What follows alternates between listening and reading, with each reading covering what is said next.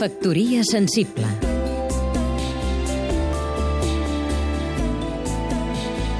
Oleguer Sarsenedes, periodista.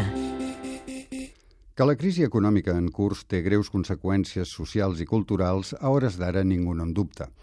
El Regne Unit, sense anar més lluny, ha saltat la notícia que un important dany col·lateral de la gran recessió és, ni més ni menys, la masculinitat dels britànics, o, per ser precisos, la cultura dels mascles britànics molt especialment dels adolescents i postadolescents de sexe masculí en entorns castigats per la crisi on s'ha estès una nova cultura de la insensibilitat.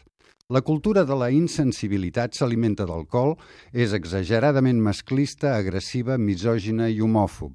És una cultura que substitueix els valors de la masculinitat per l'individualisme a ultrança, que tradueix les relacions entre sexes en pornografia i que produeix fenòmens tan edificants com el balcòning i el hooliganisme. Atès que la cultura és l'indicador més precís de la salut d'una societat, és obvi que els britànics no passen pel seu millor moment ni se l'espera. Però seria un error pensar que això, afortunadament, no té res a veure amb nosaltres que no som de reaccionar d'aquestes maneres tan bàrbares. És obvi que, si més no, compartim circumstàncies, atur, empreses que tanquen, manca de perspectives. Tampoc no cal pensar que la insensibilitat se circumscriu als joves.